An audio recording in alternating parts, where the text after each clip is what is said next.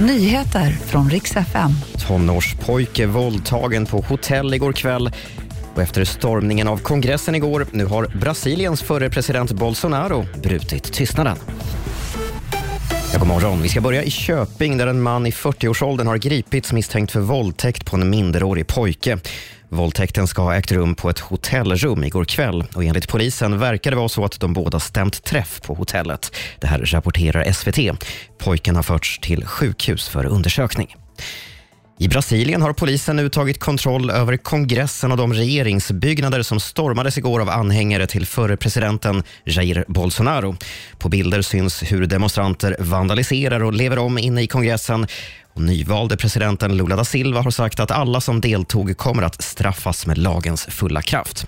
Bolsonaro var tyst i sex timmar innan han till slut uttalade sig på Twitter och fördömde stormningen, men samtidigt också fördömde stormningar som vänstern gjort 2013 och 2017. Och vi ska avsluta i Spanien där tobaksbolagen nu är de som ska städa upp alla cigarettfimpar i landet.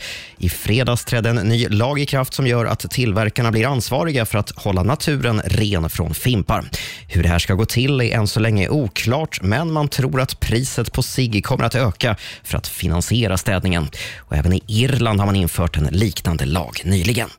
Det var de senaste nyheterna och jag heter Robin Kalmegård.